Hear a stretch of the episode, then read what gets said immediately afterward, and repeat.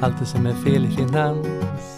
Allt, allt, allt, allt, allt det som är fel i finans. Hej! Välkomna till podden Allt som är fel i finans. Det här är podden där vi går igenom alla utvecklingsmöjligheter som finns inom finansbranschen. Allt, allt, allt, allt, allt det som är fel i finans. Allt, allt, allt, allt, allt det som är fel i finans. Hej och välkomna till podden Allt som är fel i finans. Där jag, Kristina och du Karl pratar om fel som uppstår när man håller på med pengar.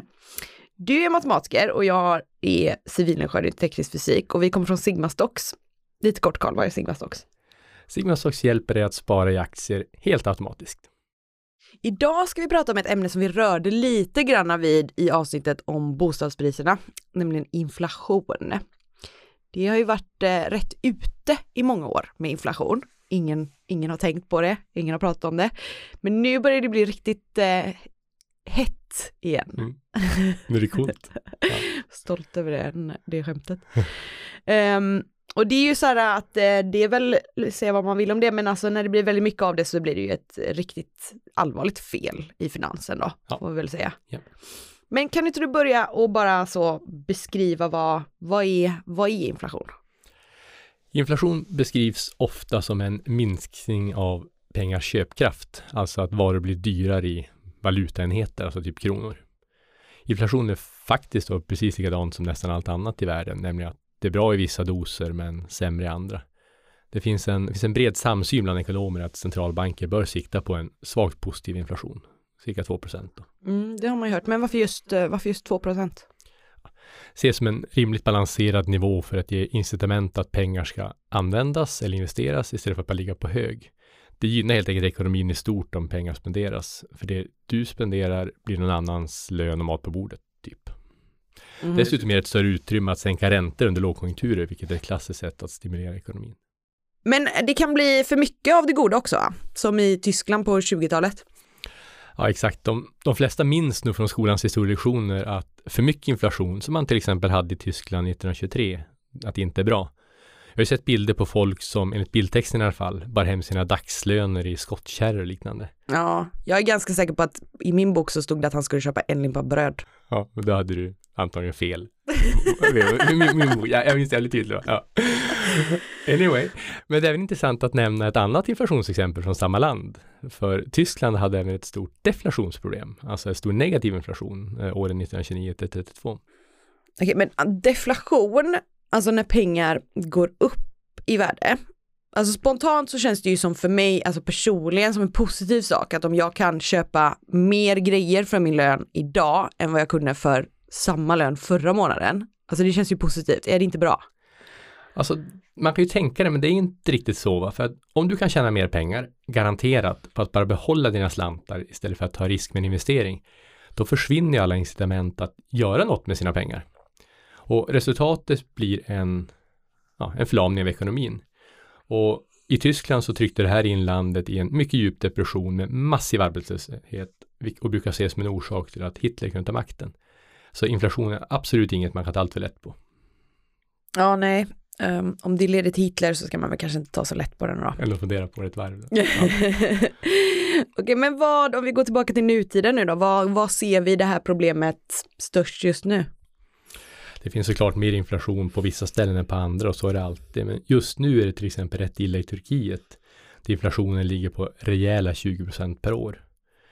Det som är lite underligt med just Turkiet är att Erdogan i princip orsakat landets inflationsproblem på egen hand genom att strunta i vad som anses vara de helt självklara sätten att hantera just Mhm. skenande inflation, alltså höjda räntor. Ungefär så här att Turkiets valuta har försvagats kraftigt sedan tidigt 2018 tack vare en kombination av bland annat geopolitiska spänningar med väst, en krympande valutareserv och ökande utlandsskulder. Men främsta orsaken har utan tvekan varit en vägran att höja räntorna för att stävja inflationen. Mhm.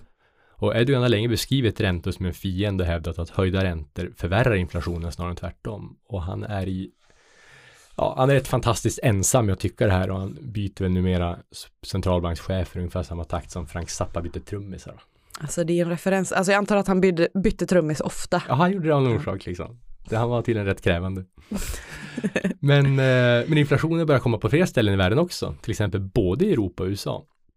För några veckor sedan så släpptes statistik att konsumentpriserna i USA stigit 6,2 procent över det senaste året. Och för euroområdet ligger samma siffra på 4,9 procent. Fast ja, inte riktigt samma siffra för det beräknas lite annorlunda i USA. Mm -hmm. Alltså det låter ju ändå ganska allvarligt med alltså tre gånger så högt som det man vill, alltså målet på 2 procent. Ja, det är ändå en del liksom. Och USA har republikanerna, ja förstås för why wouldn't they, beskyllt Biden för det hela. Och det har ju faktiskt inte varit helt irrationellt att göra så, särskilt inte mot bakgrund av hur det här året har utspelats. Mm -hmm. Men hur, eller ja, hur menar du? Han, han sjösatte ju sin, Biden sjösatte sin American Rescue Plan tidigare år, där han bland annat mm. skickade ut checkar på 1400 dollar till mm. cirka varje amerikan. Då. Jag kommer ihåg, de var upprörda att det inte var 2000. Ja, så jag på internet. Ja. Ja. Och många ekonomer, även liberala sådana, alltså inte bara republikaner, utan även liberala ekonomer, som tidigare finansminister och toppekonom åt Obama, Larry Summers, varnade för att Bidens plan skulle kunna ge effekter just på inflationen. Och argumentet gick ungefär så här att räddningsplanens storlek, cirka 8% av BNP, är för stor och kommer att få efterfrågan att öka långt snabbare än tillgången och därför trycka upp priserna. Och det vi ser nu är ju precis det, så det är lätt att tänka att Republikaner och Summers fick rätt och helt enkelt anledning att säga vad var det jag sa liksom. Fast på amerikanska då istället. Ja, I told you so. Alla älskar sådana. så trevligt. Det är så trevligt. Ja. Men är det, alltså, men är det, alltså är det liksom, är det Tyskland på 20-talet vi ser här nu? Borde vi vara oroliga? Nej, det är inte alls samma sak. Alltså bakom siffran 6,2 döljer sig helt enkelt, ja, för ganska spännande saker liksom. Alltså först och främst så har efterfrågan inte ökat mer än att den kommer tillbaka till sin långsiktiga trend. Så inflationen är inte uppenbart alltså, brett efterfrågedriven. Samtidigt finns tecken på att den amerikanska ekonomin är överhettad. Bland annat ökar lönerna och folk byter jobb mycket, vilket är tecken på att de känner sig trygga i sin förmåga att få nya jobb och dessutom tänker på att avancera sin karriär. Mm. Och till råga på allt så verkar det som att många amerikanska väljare, äh, arbetare väljer att inte komma tillbaka till arbetsmarknaden alls. Än så länge i alla fall. Och där har de till och med gett ett namn, det kallas The Great Resignation. Och det rör väl ungefär alltså 4 miljoner arbetare färre som, som är i arbetsmarknaden sedan innan, innan pandemin. Och den här alltså, arbetskraftsbristen som någonstans kommer att folk väljer att inte jobba, det, det orsakar olika typer av flaskhalsar. Och är överlag rätt konstigt. Det är som att amerikaner har insett att deras jobb sög och att det inte var värt det. Typ. Ja men det kan man ju absolut tänka sig och alltså de har ju inte, de är ju kända för bra liksom, arbetsvillkor i det landet ändå. Men, eh, alltså, men du pratar om att det var en, alltså, en överhettad ekonomi, alltså det leder väl typiskt till högre inflation då? Ja, alltså men det underliga är att även om ekonomin verkligen vore överhettad, och det är ju känt för att driva inflation, så är det liksom inte en, överhe en överhettad ekonomi ger inte mycket inflation. Alltså, alltså inte, inte, inte så mycket som 6 procent. Nej, nej alltså precis. Utan och dessutom så kommer ju löneökningar och sånt typiskt sett efter ökningar av konsumentpriser. Så löneökningar är inte det som huvudsakligen driver inflation. Så det som i själva verket verkar driva inflationen just nu är olika typer av flaskhalsar, till exempel igenproppade hamnar. Mm -hmm. Och vad är orsaken till det här äh, hamnproblemet då? Alltså, efterfrågan är ju så inte hög totalt sett, utan snarare blivit jättehög för vissa varor och, och mindre för andra. Alltså lite förenklat så köper folk färre tjänster nu än innan pandemin, men mer prylar. Man köper köksapparater och träningsutrustning och sånt. Och sådana grejer måste fraktas över hav och på vägar under en tid när de globala fraktresurserna helt enkelt inte räcker till. Vilket gör att priset för sådana varor går upp. Och det här går helt på tvären mot den långsiktiga trenden som förstås är att priserna för kapitalvaror faller. Alltså till exempel om du köper ett specifikt löpband och sen väntar två år så är det nästan garanterat billigare då än, än när du valde att köpa det. Mm.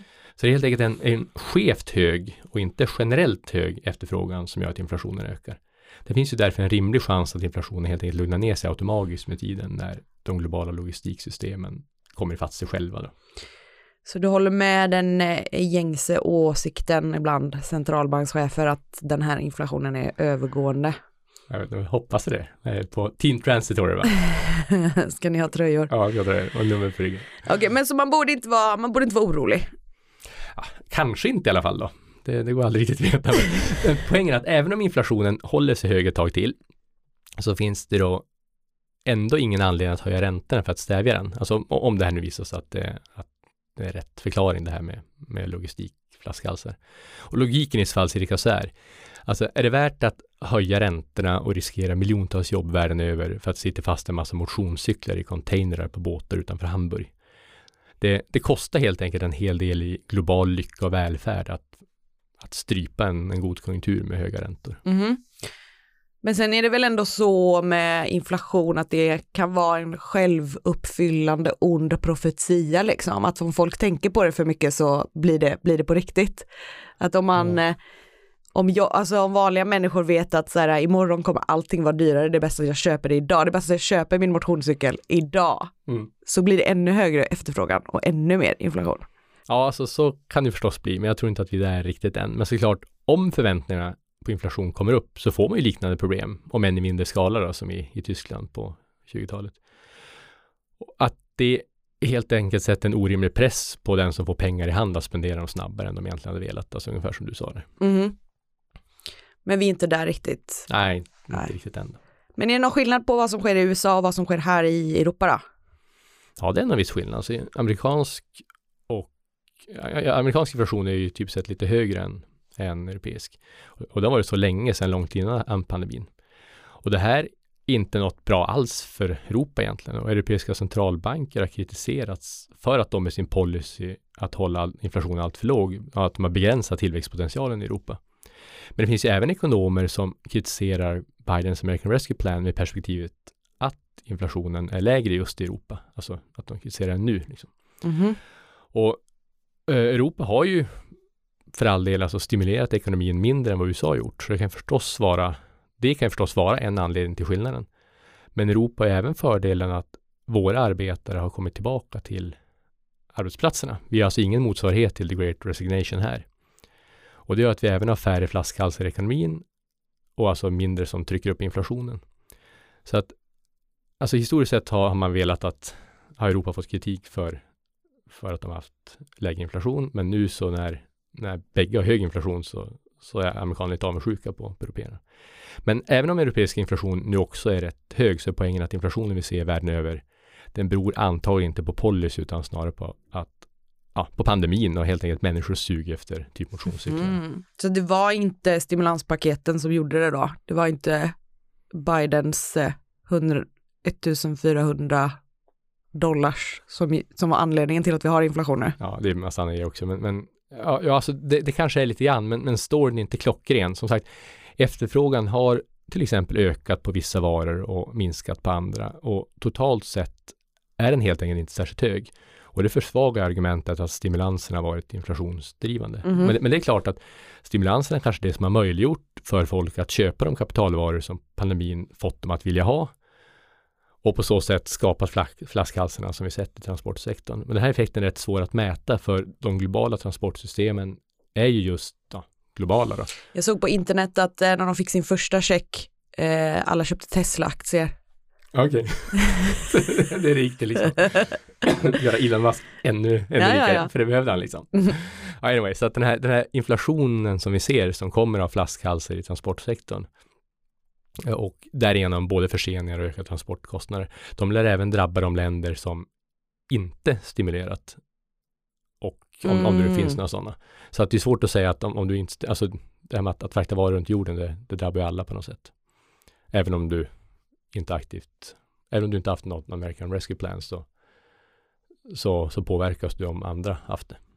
Ja, men är det så då att för att vi har ju, det är ändå, det är ändå varningsklockor som ringer när det är en inflation på 6% i USA liksom. Men om det inte är så allvarligt, är det så att man mäter det på fel sätt? Du menar som är hur bostadspriserna just så knappt påverkar inflationen? Ja. Ja, exakt. Ja. Nej, det är väl lite en annorlunda situation. Man har inte mätt fel på det här, men ja, men vi kan gärna prata om det också någon gång. vi ska ha ett helt avsnitt som handlar bara om inflationsmått. Ja, exakt. så himla kul. Mm. Ah, ja, okej, okay. men man ska inte vara orolig för att inflationen är lite hög då. Men, eller, om, men om man skulle vara orolig, och det skulle vara så att så här, det här är på allvar, vad ska man som vanlig människa göra liksom? Hur agerar man rent privatekonomiskt om man är så här, shit, mina pengar är lite mindre värda imorgon. Det är nog rätt svårt att göra något. Eh, Möjligen glädjas över att bostadslånen försvinner om man har bunden ränta. Typ. Ja, det är igen så här att Mm. fan, de som, de som har köpt bostad är de som vinner. Ja. Det är alltid så. Okej, men man ska inte vara orolig. Nej, det är möjligen onödigt också att oroa sig för något som man inte kan påverka. Så att, Ja, ja fan, alltså det där är, jag tycker det är ett väldigt bra råd vi kan ta med oss, det kan man applicera Ja. på många områden Ja, i sitt liv. är alltså, vi- generellt klokt råd. Ja, verkligen. Och bara, om du inte vill oroa dig för ditt sparande heller så kan du läsa mer om hur vi på Sigmastocks hjälper dig med det på sigmastocks.com. Tack så mycket Carl. Tack. Allt, allt, allt, allt, allt det som är fel i finans. Allt, allt, allt, allt, det som är fel i Finland. En poddproduktion av Fredag.